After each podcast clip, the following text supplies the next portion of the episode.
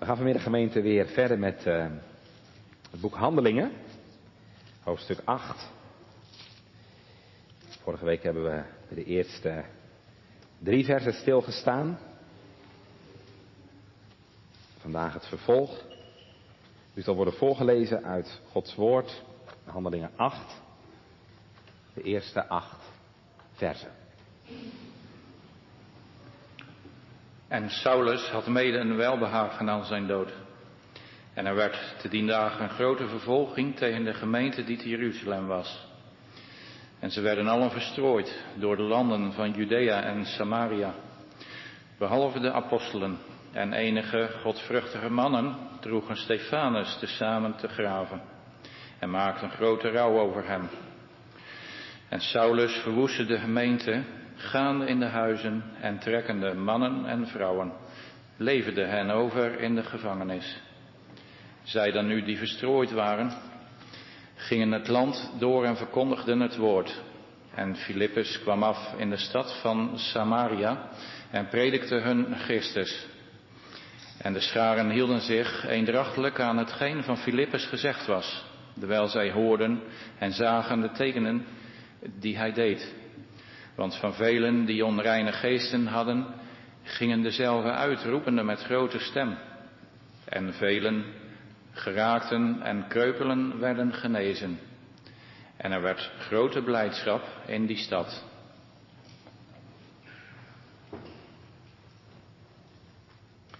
Gemeente, misschien hebben je dat ook wel eens meegemaakt. Dat iets wat heel moeilijk voor je was, later juist iets goeds tot gevolg bleek te hebben.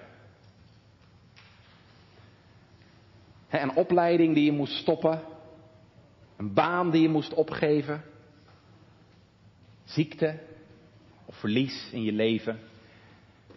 Dat het achteraf gemeente toch tot zegen bleek te zijn. we lezen dat in de Bijbel bij Jozef. Helemaal tegen zijn zin kwam hij in Egypte terecht. Maar dat verblijf in Egypte, dat weet u, bleek toch tot grote zegen later te zijn. want daardoor kon hij zijn familie helpen toen de hongersnood kwam. Nou, datzelfde patroongemeente zien we vanmiddag ook in Handelingen 8. dat iets heel moeilijks, lijden, vervolging, toch tot zegen blijkt te zijn. Want zo komt het evangelie van de Heer Jezus, zullen we zo meteen zien, bij andere mensen terecht. En dan lezen we in vers 8, en er kwam grote blijdschap. Het is het lijden van de een leidt tot blijdschap van de ander. We gaan vanmiddag gemeente verder met eh, de behandeling van handelingen 8. We hebben vorige week stilgestaan bij de eerste drie versen. Dat ging over die vervolging die in Jeruzalem ontstond. Ehm, vandaag staan we stil bij het gevolg van die vervolging. De versen 4 tot en met 8, ik lees dat nog een keer voor. Zij dan nu die verstrooid waren, gingen het land door en verkondigden het woord. Dat is het eerste waar ik een streep onder zet, verstrooid. En het tweede woord waar ik een streep onder zet is verkondigen. En Filippus kwam af in de stad van Samaria en predikte hun Christus. En de scharen hielden zich eendrachtig aan hetgeen van Filippus gezegd werd, omdat ze hoorden en zagen de tekenen die hij deed. Dat is de vrucht van die verkondiging. Want van velen die onreine geesten hadden, gingen dezelfde uit, roepende met grote stemmen, velen geraakt en kreupelen werden genezen. En er werd grote blijdschap in die stad. Vorige week was het vervolging. Vandaag is het verstrooiing, verkondiging en vrucht. Gemeente, een jaar of twintig geleden ging ik in verband met mijn studie in Utrecht op kamers wonen. Mijn vrouw, toen nog mijn vriendin, dacht dat dat misschien wel goed voor mij zou zijn. Om ook eens wat eh, huishoudelijke taken te leren en zo. Nou, dat was best een uh, bijzondere ervaring. Als je altijd op hetzelfde dorp hebt gewoond, altijd bij je vader en moeder, bij je ouders hebt gewoond, En dan op eigen benen moeten staan. De grote stad in. De wijde wereld in. Was echt wel een beetje een nieuwe fase in mijn leven. Gemeente, dat zien we vanmiddag ook in Handelingen 8. Een nieuwe fase in het leven van de gemeente. Anders gezegd, het kind, het kind gaat de wereld in. En gemeente, die nieuwe fase in het leven van de gemeente heeft alles te maken met een nieuwe fase in het heilsplan van God. Het is even belangrijk dat je dat ziet. Een nieuwe fase in het heilsplan van God. Hè? Wat er tot nu toe zo, al die eeuwen door, hè, dat het evangelie ja, eigenlijk zich alleen maar beperkte tot Israël. Af en toe kwam er eens eentje van buiten bij, hè, Rut, eh, Naaman de Syrië, maar dat zijn natuurlijk enkelingen. Hè. Het evangelie beperkte zich vooral tot Israël en Jeruzalem. Nou, vanmiddag gaan we zien, gemeente, dat dat anders wordt.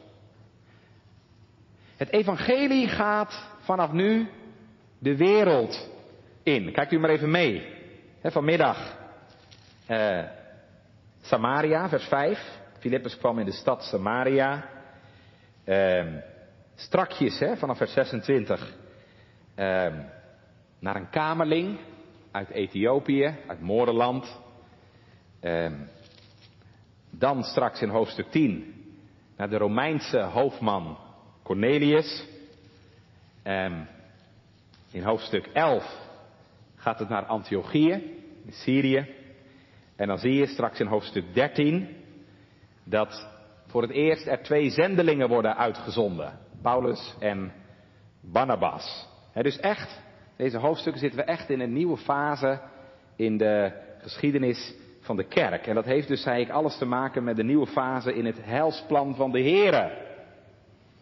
Want wat had God ook alweer gezegd tegen Abraham? Weet u het nog? Wat had God gezegd tegen Abraham? Abraham, in uw zaad zullen alle geslachten van de aarde gezegend worden. In uw zaad, dat is Christus. Zullen alle geslachten van de aarde gezegend worden. Ja, en nu Christus is gekomen en verheerlijkt is, hè, hij zit aan de rechterhand van de Vader, kan dat evangelie zich niet meer tot Israël beperken. Het moet de wereld in. Trouwens, dat had Heer Jezus ook gezegd, hè, als u even terugbladert naar hoofdstuk 1, vers 8. Dan zie je al dat hij voor de hemelvaart dat tegen hen zegt. Hè? Ge zult ontvangen de kracht van de Heilige Geest die over u komen zal. En dan komt het. En gij zult mijn getuige zijn, zo te Jeruzalem. Als in geheel Judea, dat is het omliggende land rond eh, Jeruzalem. En Samaria. Hè, Samaria, het stukje tussen Galilea en Judea en uiteindelijk het tot aan het uiterste, tot aan de einden der aarde. Ik moet ook wel even zeggen, gemeente, dat met name Stefanus daar een belangrijke rol in heeft gespeeld. Het is al even geleden dat we het over Stefanus hebben gehad, maar ik, ik kom daar nog wel even op terug vanmiddag, want hij heeft een hele belangrijke ja, rol gespeeld in, in het ontstaan van de zending. Want wat liet Stefanus ook alweer zien in zijn toespraak. Weet u dat nog? Stefanus zei, God is niet gebonden aan een land. En God is ook niet gebonden aan de tempel in Jeruzalem. Nou, die overtuiging, die relativering van land en tempel, ja, dat heeft mede geholpen om de weg te banen voor de zending. Want als de Heer niet gebonden is aan Israël, aan het land, en ook niet aan de tempel, ja, dan kan hij dus net zo goed daar buiten werken. Dan kunnen dus ook andere mensen dan de Joden bij het volk van God gaan horen. Nou, dat is wat we vanmiddag in de komende hoofdstukken zullen gaan zien. En dat begon allemaal gemeente, zagen we vorige week in Jeruzalem. En dat begon allemaal gemeente met een vervolging. want we hebben vorige week zondag gezien dat er na de dood van Stefanus in Jeruzalem een grote vervolging begint. Um, vers 1 hè. En er werd in die dagen een grote vervolging tegen de gemeente die te Jeruzalem was. En het gevolg van die vervolging zagen we is verstrooiing. Kijk maar, ze werden alle verstrooid door de landen van Judea en Samaria, behalve de apostelen. Allen werden ze verstrooid. Dus niet alleen maar de Grieks sprekende Joden, hè, waar Stefanus toe behoorde en waar ook Filippus vanmiddag toe behoorde, maar dat raakt net zo goed de inheemse, de Hebreeuwse Joden, die al eeuwenlang misschien in Jeruzalem woonden. Zij werden allen verstrooid, staat er dan. Behalve de apostelen. Hé, hey, dat is opmerkelijk. De apostelen blijven dus in Jeruzalem. En dan vraag je je af waarom. Waarom is dat? Nou, Calvijn zegt denk ik heel terecht, als de apostelen waren gevlucht, hadden zij als leiders van de gemeente geen goed voorbeeld gegeven. Een grote kans dat andere gemeenteleden daardoor ontmoedigd zouden worden. Waarbij Calvijn dan opmerkt, herders hebben een grotere verantwoordelijkheid dan schapen. Calvijn zegt waar het voor schapen soms gepast is om te vluchten, is het belangrijk dat de herders blijven. voor de overige mensen die aan hun zorg zijn toevertrouwd. Wil natuurlijk niet zeggen dat een herder nooit zou mogen vluchten. Er kunnen omstandigheden zijn dat het, ja, dat niet anders kan, dat het onverantwoord zou zijn als hij zou blijven. Maar ik denk inderdaad hè, dat het, ja, Calvijn wel gelijk heeft, dat het over het algemeen eh, bijbels is, als in tijden van crisis en nood, ja, leiders, herders, zo lang mogelijk op hun post blijven hè, om de gemeente te dienen. Zolang natuurlijk als dat mogelijk is. Apostelen zoeken dus een, blijven dus in Jeruzalem. En het groot deel van de gemeente zoekt een veilig heenkomen elders. Waar gingen ze naartoe? Ja, dat staat er niet bij. Ik kan me zo voorstellen dat sommigen naar familie of vrienden gegaan zijn op het platteland. In de hoop misschien hè, over een poosje weer terug te keren.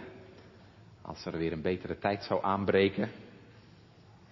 Maar ik kan me ook zomaar voorstellen dat sommigen ook permanent weggegaan zijn.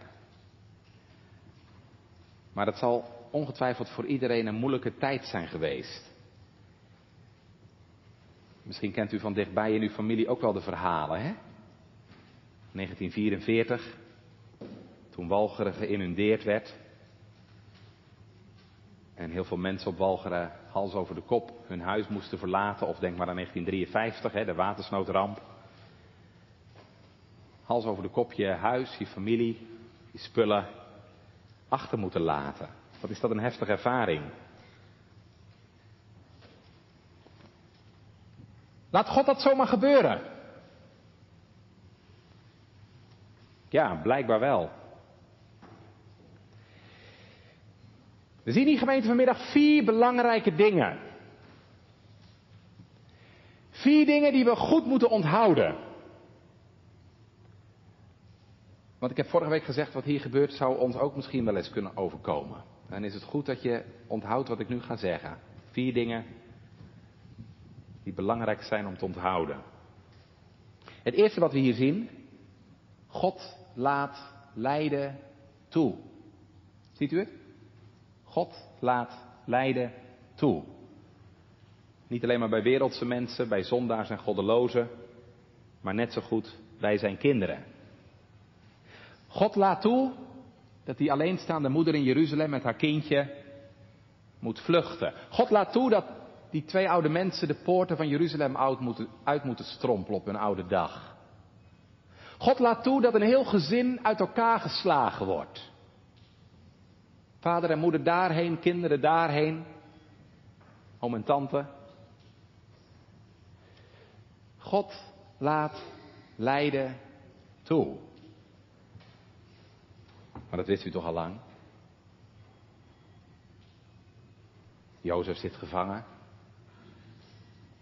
David moet vluchten voor zijn leven.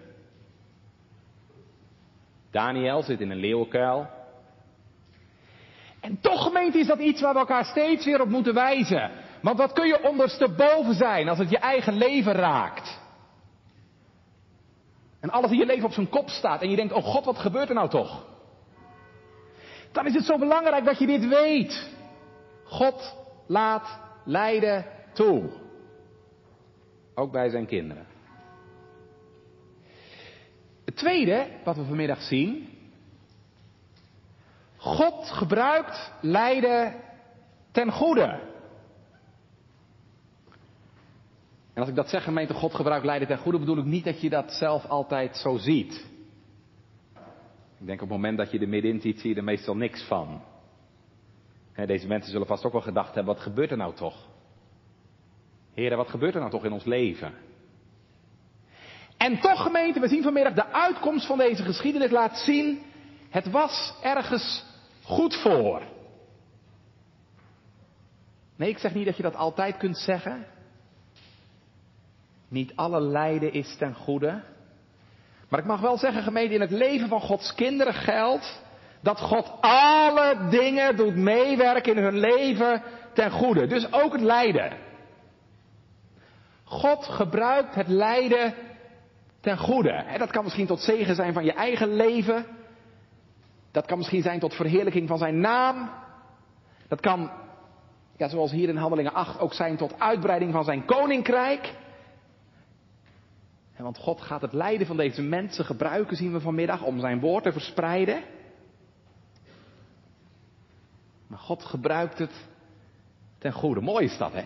De vervolging die bedoeld was om de kerk kapot te krijgen, om de kerk te vernietigen, wordt juist het middel om haar uit te breiden. U kent dat gezegde vast wel, hè? Het bloed van martelaren is het zaad van de kerk. En dat blijkt heel vaak zo te zijn in de kerkgeschiedenis. Het bloed van martelaren is het zaad van de kerk. En waarom kan dat?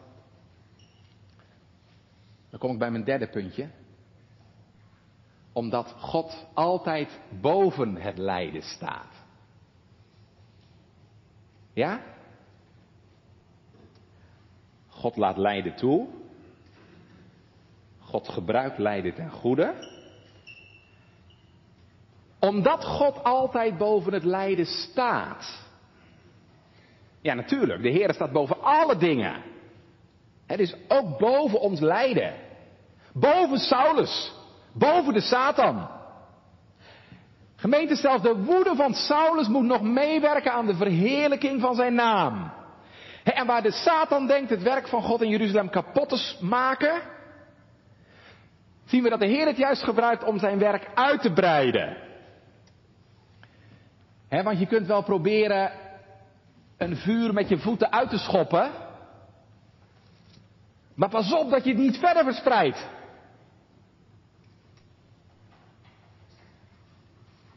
Ik moet even denken aan de kerk in China.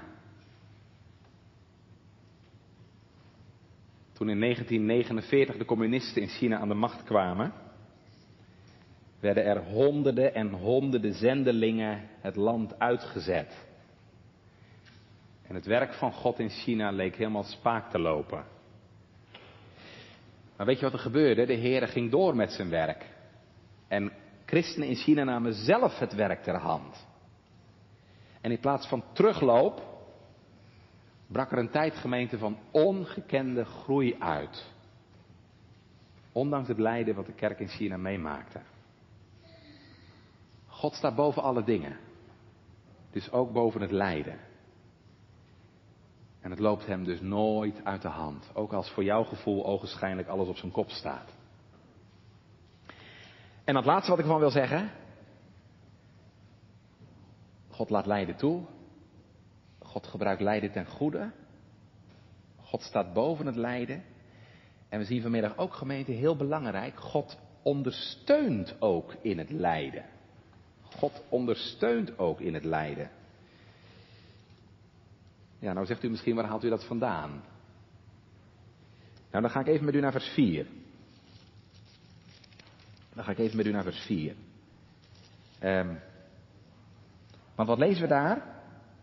Ik, ik zal er zo meteen nog wel meer over zeggen in mijn tweede punt, maar ik loop er nu eventjes op vooruit.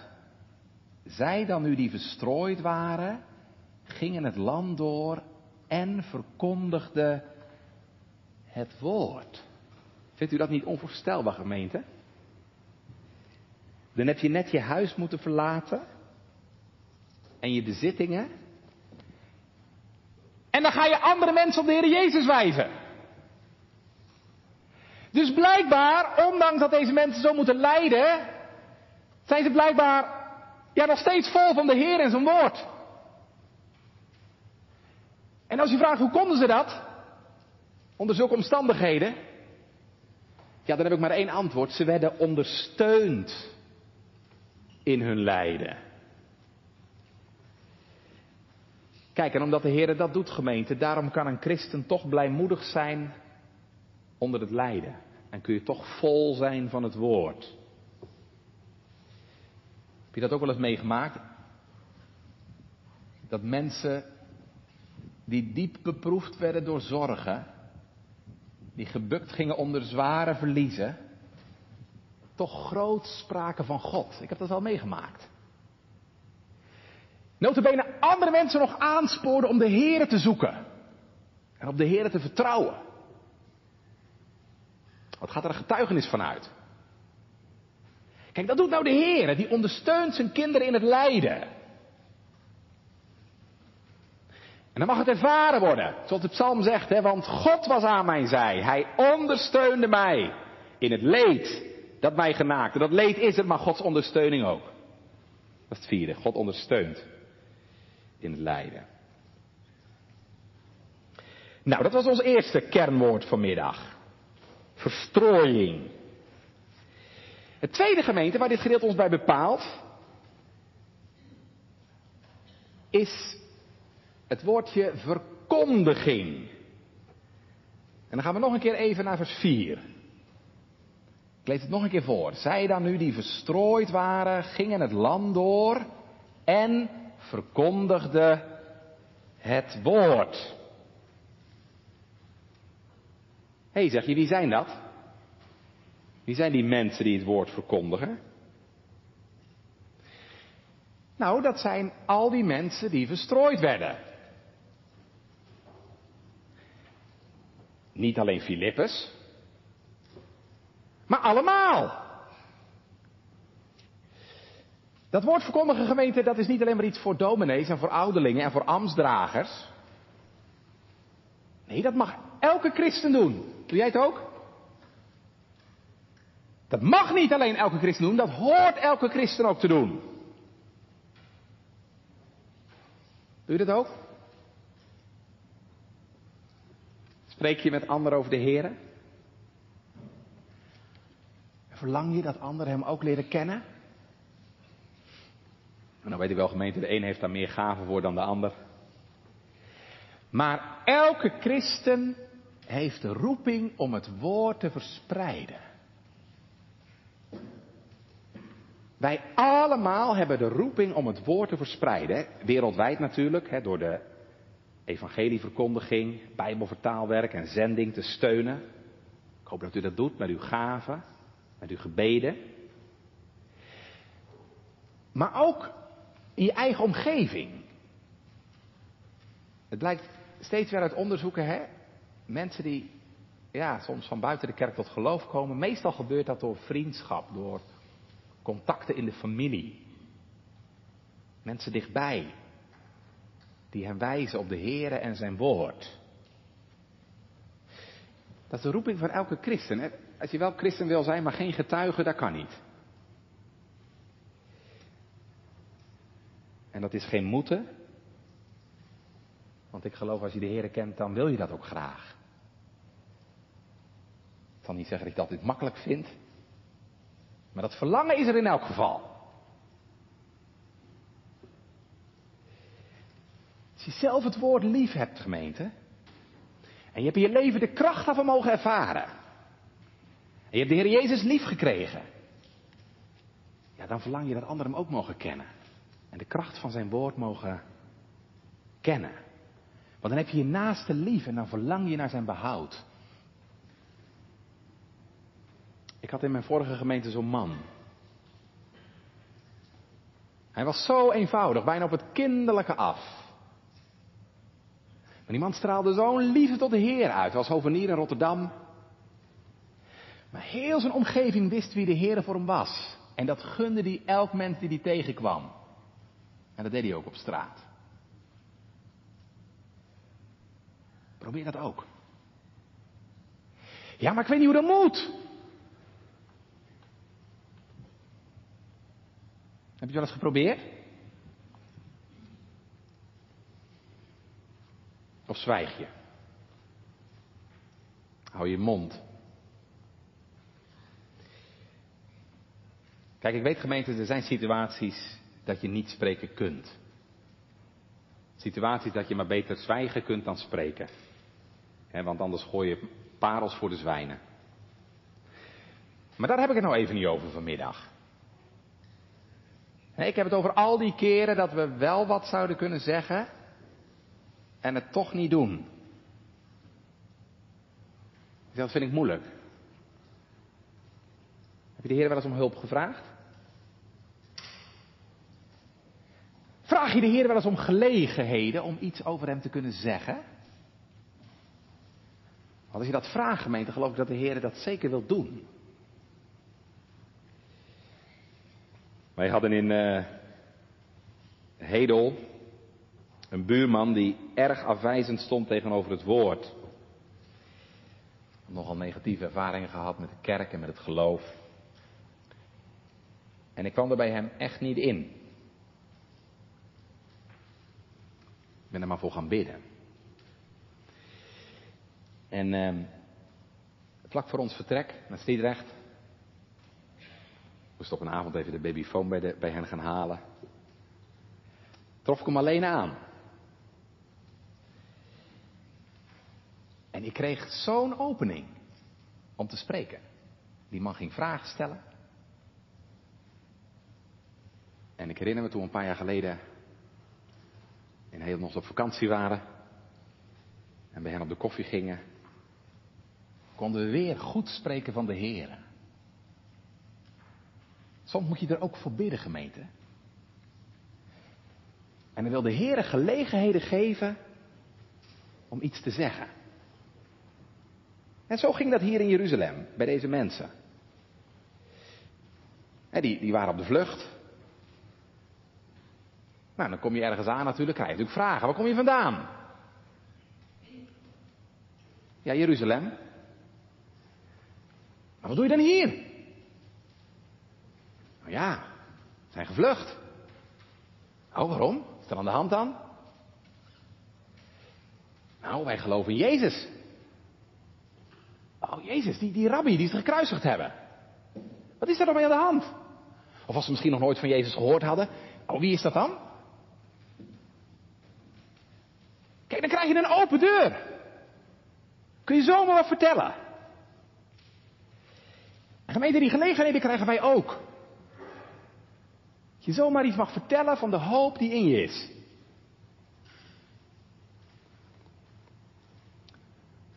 Of doe je dat liever maar niet? Misschien een beetje bang dat ze dat maar raar zullen vinden.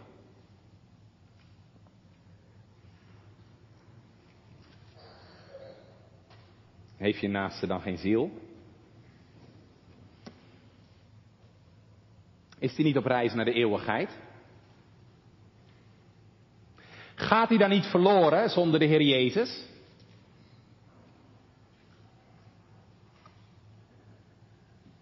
Ja, zegt u, uh, dominee, spreek over de hoop die in je is. Als je zelf niet eens hoop hebt. Ik weet zelf nog niet eens wat ik behouden ben. Is dat je probleem?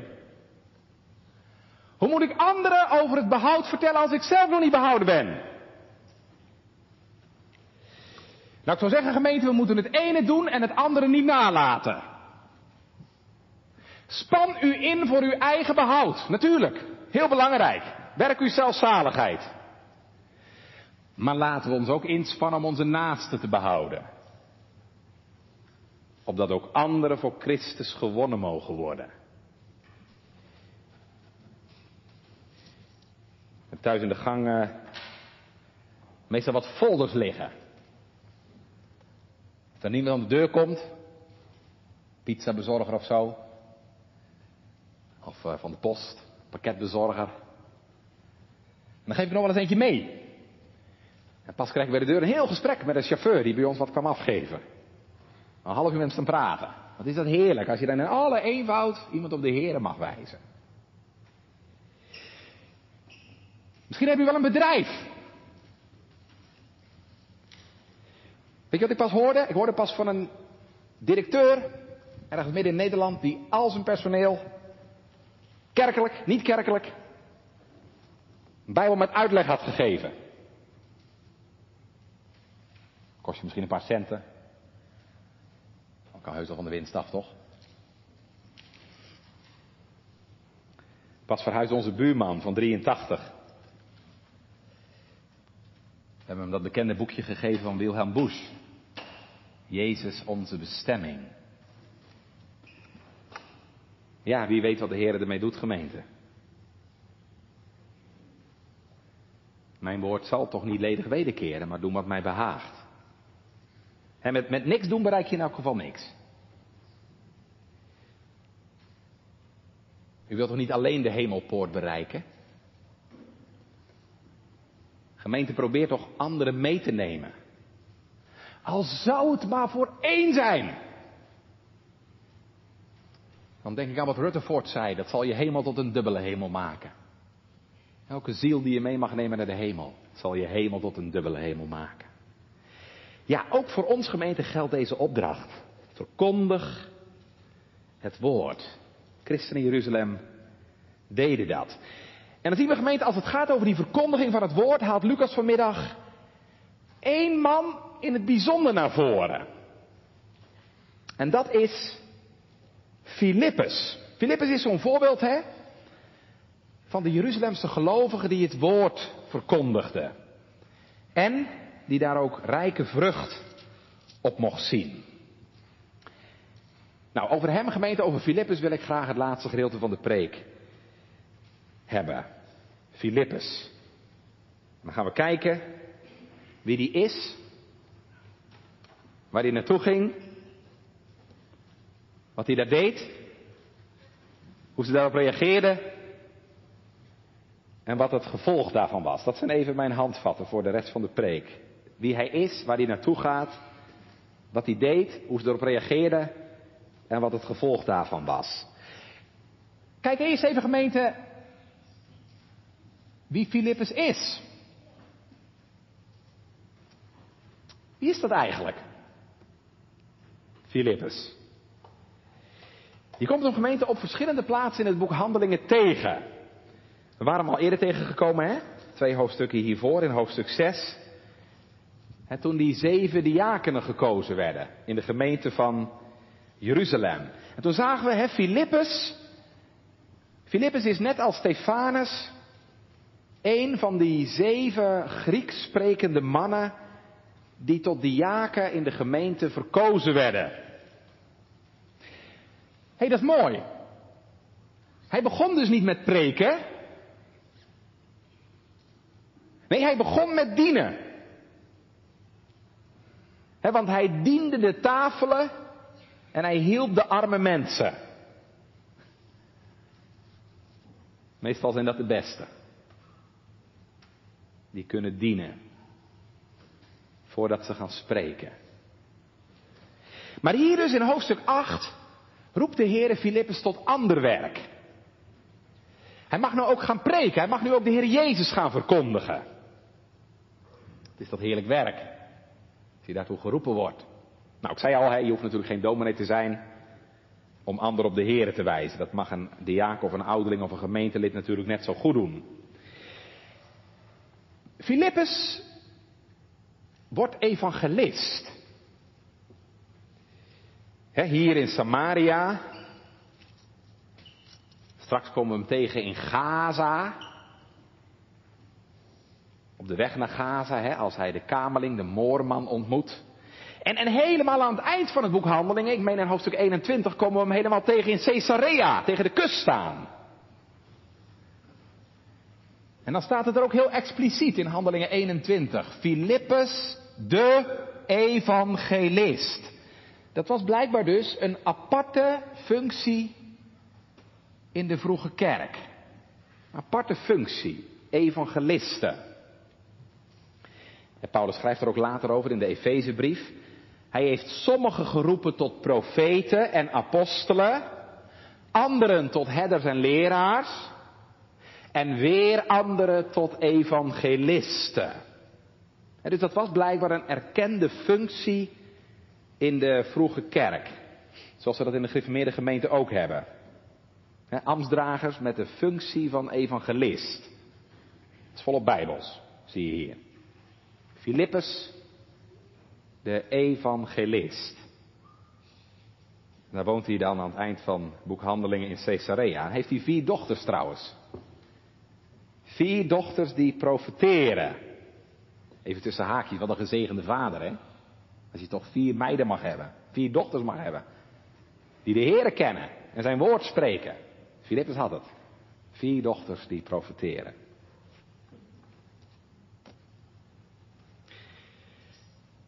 Wie hij is. Letten we in de tweede plaats gemeente even op waar hij naartoe gaat. Hij gaat namelijk, lezen we in vers 5, naar Samaria. En Filippus kwam af in de stad van Samaria. Nou, u weet allemaal wel, hè, Samaria dat lag natuurlijk hypergevoelig in Israël. Samaria dat ligt zo gevoelig dat sommige Joden er niet eens willen komen. u weet vast wel, als je helemaal in het noorden woont, in Galilea, en je wilde naar Jeruzalem toe, in Judea, ja, dan moest je eigenlijk door Samaria gaan. Hè? De heer Jezus deed dat ook een keer. Hij moest door Samaria gaan. Maar heel veel Joden hadden zo'n hekel aan die Samaritanen dat ze dat niet deden. Die gingen helemaal aan de andere kant, via het overjordaanse naar Jeruzalem toe. Een enorme omweg. Zo'n hekel hadden ze aan die Samaritanen.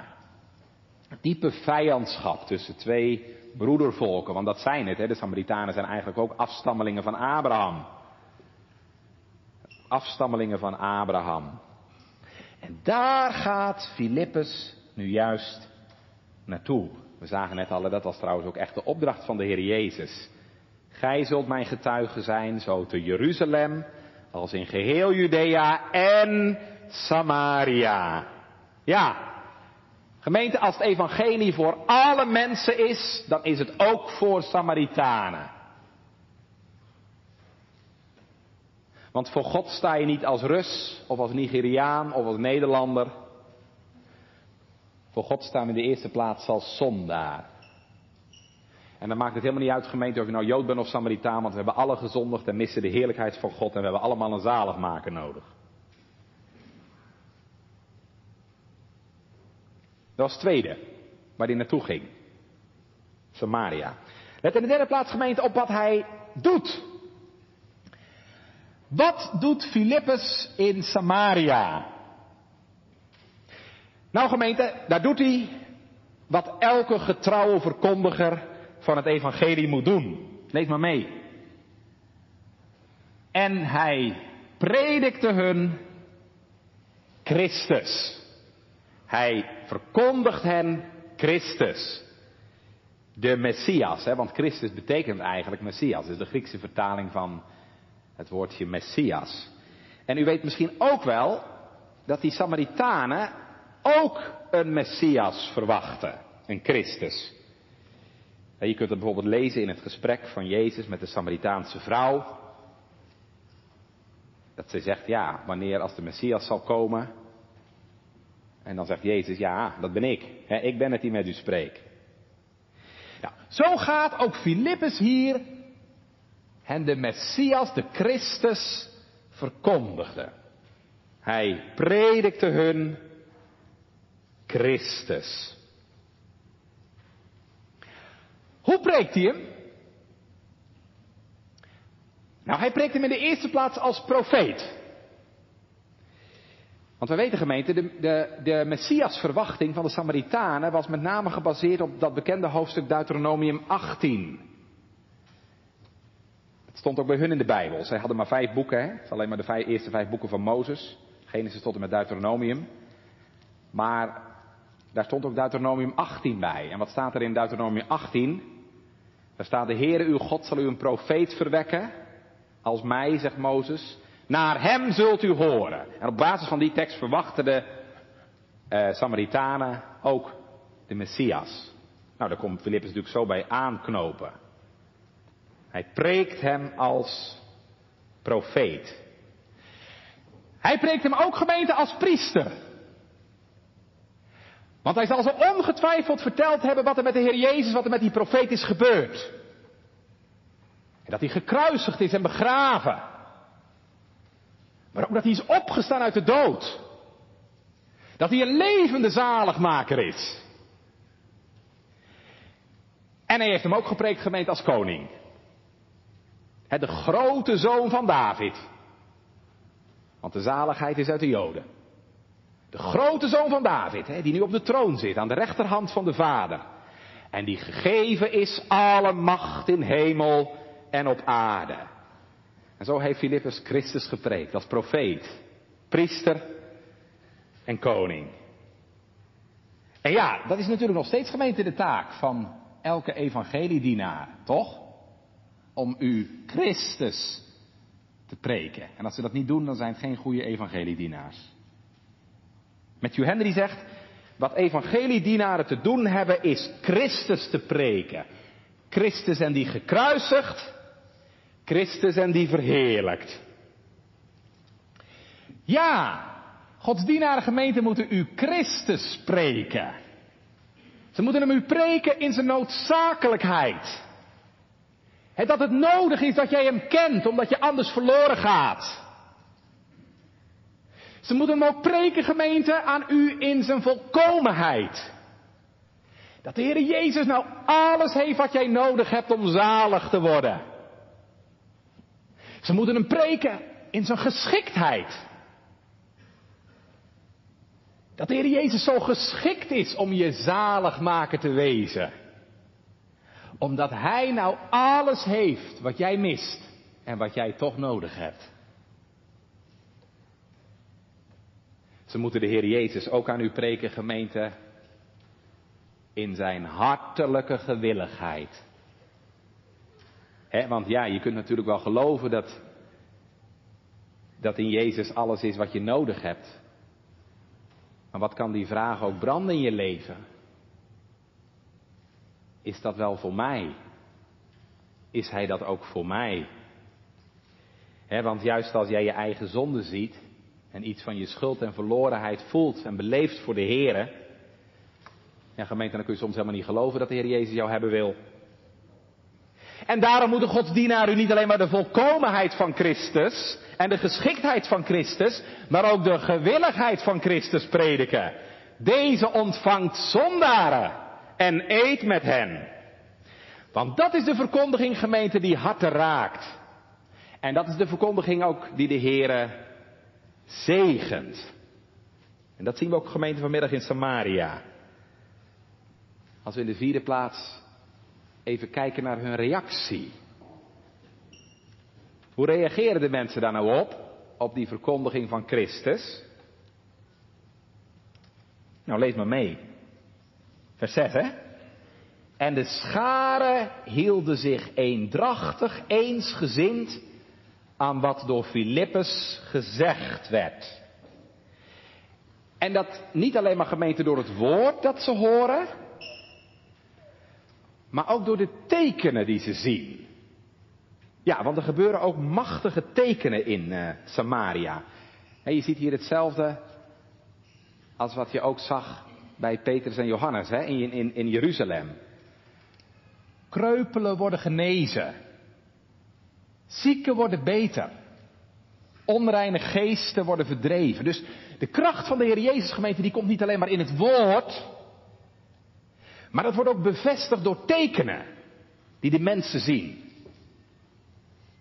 Dat zie je vaker. In situaties, gemeente, waar het evangelie voor het eerst komt, komt het vaak niet alleen maar in woorden, maar komt het vaak ook in kracht, in grote kracht. Dan zie je dat de macht van de boze wordt gebroken. En dat mensen bevrijding en genezing ook ontvangen. Eh, dominee Vreugdeel uit Vlissingen, jarenlang in Vlissingen heeft gestaan.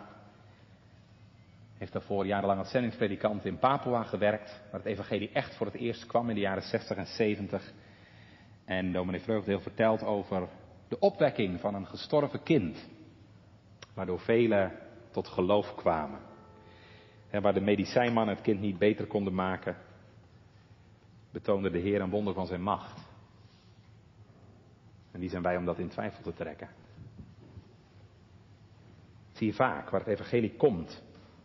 Voor het eerst dat het komt. In grote kracht. En ziende de macht en kracht van de Heer en, en overtuigd van de waarheid van het woord, houden deze mensen zich vast aan wat door Filippus gezegd wordt. Doe je dat ook? Wij preken u elke zondag. Maar de vraag is natuurlijk, wat doe je ermee? Hou je je vast, klamp je je vast, gemeente, aan wat er hier gezegd wordt. Dan wordt u zalig. Als u, als u zich houdt aan het woord. Als je je vastklampt aan wat door de Heer gesproken wordt over zijn zoon. Als je in hem gelooft.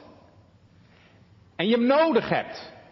Als de profeet jou de weg van de zaligheid wijst. Als je hem nodig hebt als je priester om je zonde en schuld te verzoenen. Als je voor hem buigt als je koning en naar zijn woord wil leven en gehoorzamen.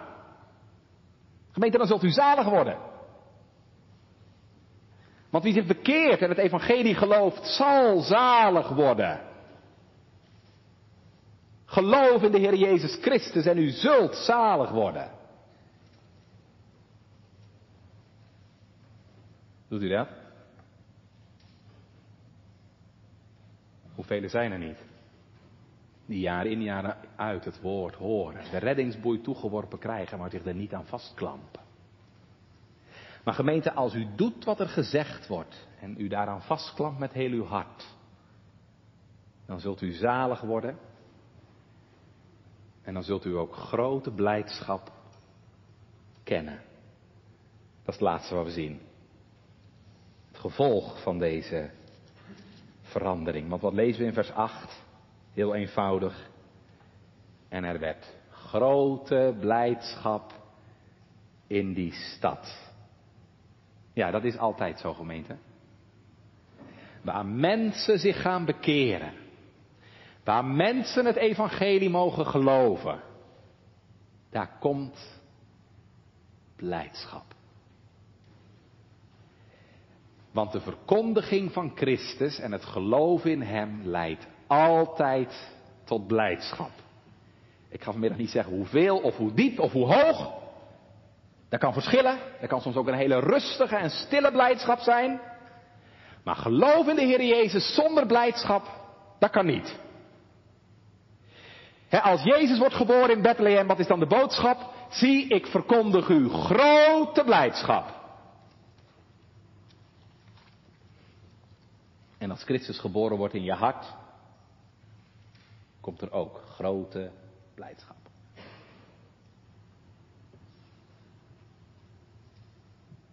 Mag er iets ervaren worden van onuitsprekelijke vreugde. Kan soms ook weer helemaal uit je leven weg hebben, dat weet ik ook. En toch, als dat gebeurt, gemeente, kan geen leed dat uit je geheugen wissen. Veel mensen denken dat het evangelie je somber maakt. Geloof ze niet. Want het is niet waar. Ja, je zonden maken je somber. Je zonden zorgen voor verdriet en berouw. Maar het evangelie is een blijde boodschap die je blij maakt. Het toen die man die schat in de akker vond, wat lezen we dan? En van blijdschap daarover, dat hij die schat mocht ontdekken, gaat hij heen en verkoopt hij alles wat hij heeft. Mag ik eens vragen, ben je zo wel de kerk uitgekomen? Ken je die blijdschap gemeend in de Heren? Je zo wel eens de kerk nog uitkomen? Gebeurt gemeente. als de Heilige Geest je zicht gaat geven op Christus is de Heilige Geest die sluier tussen hem en ons wegtrekt. En je mag zicht krijgen op zijn geschiktheid, op zijn gewilligheid, op zijn algenoegzaamheid en volkomenheid. Al is het misschien gemeente maar heel vanuit de vette. En je mag zo je toevlucht tot de Heer Jezus nemen. En je zonde bij hem kwijtraken. Wat kan een diepe blijdschap en vreugde dan je hart vervullen? Een hemelse blijdschap. O, in dat eerste komen tot Christus. Daar kan zo'n blijdschap in liggen. als christen in de christenreis zijn zonde kwijtraakt bij het kruis. Wat staat er dan? Dan danst hij van vreugde. Dan danst hij van vreugde. Dan valt er een last van zijn schouder. Dan is de schuld weggedaan. Dan zijn de banden van de zonde verbroken. Dan moet je schuldig en aanklagende geweten zwijgen. Dan is de aanklacht en de verdoemenis van de wet voorbij. En dan is de vrucht van de geest blijdschap in de Here. Want dan mag je alles in de Heer Jezus zien. Dan mag je alles in Hem zien wat je nodig hebt, gemeente. Verzoening voor je zonde. Gerechtigheid tegen al mijn ongerechtigheid. Leven tegen jouw dood. En dat is niet alleen maar gemeente in dat eerste komen tot Jezus, zoals hier in Samaria. Dat blijft ook. Wat zegt Paulus ook alweer? Verblijd u in de Here te alle tijd. Dus je moet steeds weer je blijdschap in de Here zoeken. En dat kan ook gemeente, want de Heer Jezus, ja, dat is echt een onuitputtelijke fontein. Waar je nou telkens weer alles mag vinden wat je nodig hebt. Onwankelbare trouw. Onvoorstelbare genade voor schuldige mensen. En onvoorwaardelijke, eeuwige liefde. En daarom gemeente is het zo belangrijk hè, dat het geloof zich steeds weer op de Heer Jezus richt. En naar de mate dat je dat doet, zal er ook blijdschap wezen. En naar de mate dat je dat doet, zul je ook ervaren wat de profeet Jezaja zegt. De zachtmoedigen zullen blijdschap op blijdschap hebben. En kent u vanmiddag deze blijdschap nog niet? Mag ik aan het eind van mijn preek zeggen, gemeente, God kan ze u geven. Echt waar. Ook jij, ook u, kunt deze blijdschap leren kennen. Ik zeg er wel bij gemeente, dat vind je echt alleen maar bij de Heer Jezus. En ik zeg er ook bij gemeente, dat kan ik u niet geven. Dat moet echt de Heer je tonen. Dat moet echt de Heer je laten zien. Maar dan denk ik vanmiddag hè, aan wat onze Dordtse leerregels zo mooi zeggen. Als je nou dat levende geloof in Christus nog mist. Wie mist er vanmiddag dat levende geloof in de Heer Jezus nog? Dan moet je goed luisteren. Wie dat levende geloof in Christus nog mist. En toch de middelen gebruikt. En waardoor God beloofd heeft deze dingen in ons te werken. Die moeten niet mismoedig worden. Maar de middelen ijverig blijven gebruiken. Doe je dat? Ijverig blijven gebruiken. En vurig verlangen naar de tijd van overvloediger genade. En die met eerbied en ootmoed verwachten. Ik zou zeggen, doe net als deze mensen in Samaria. Houd u aan wat u gezegd wordt. Verwacht je heil en hulp alleen van de Here. En u zult ervaren dat grote blijdschap ook uw deel zal zijn. Amen.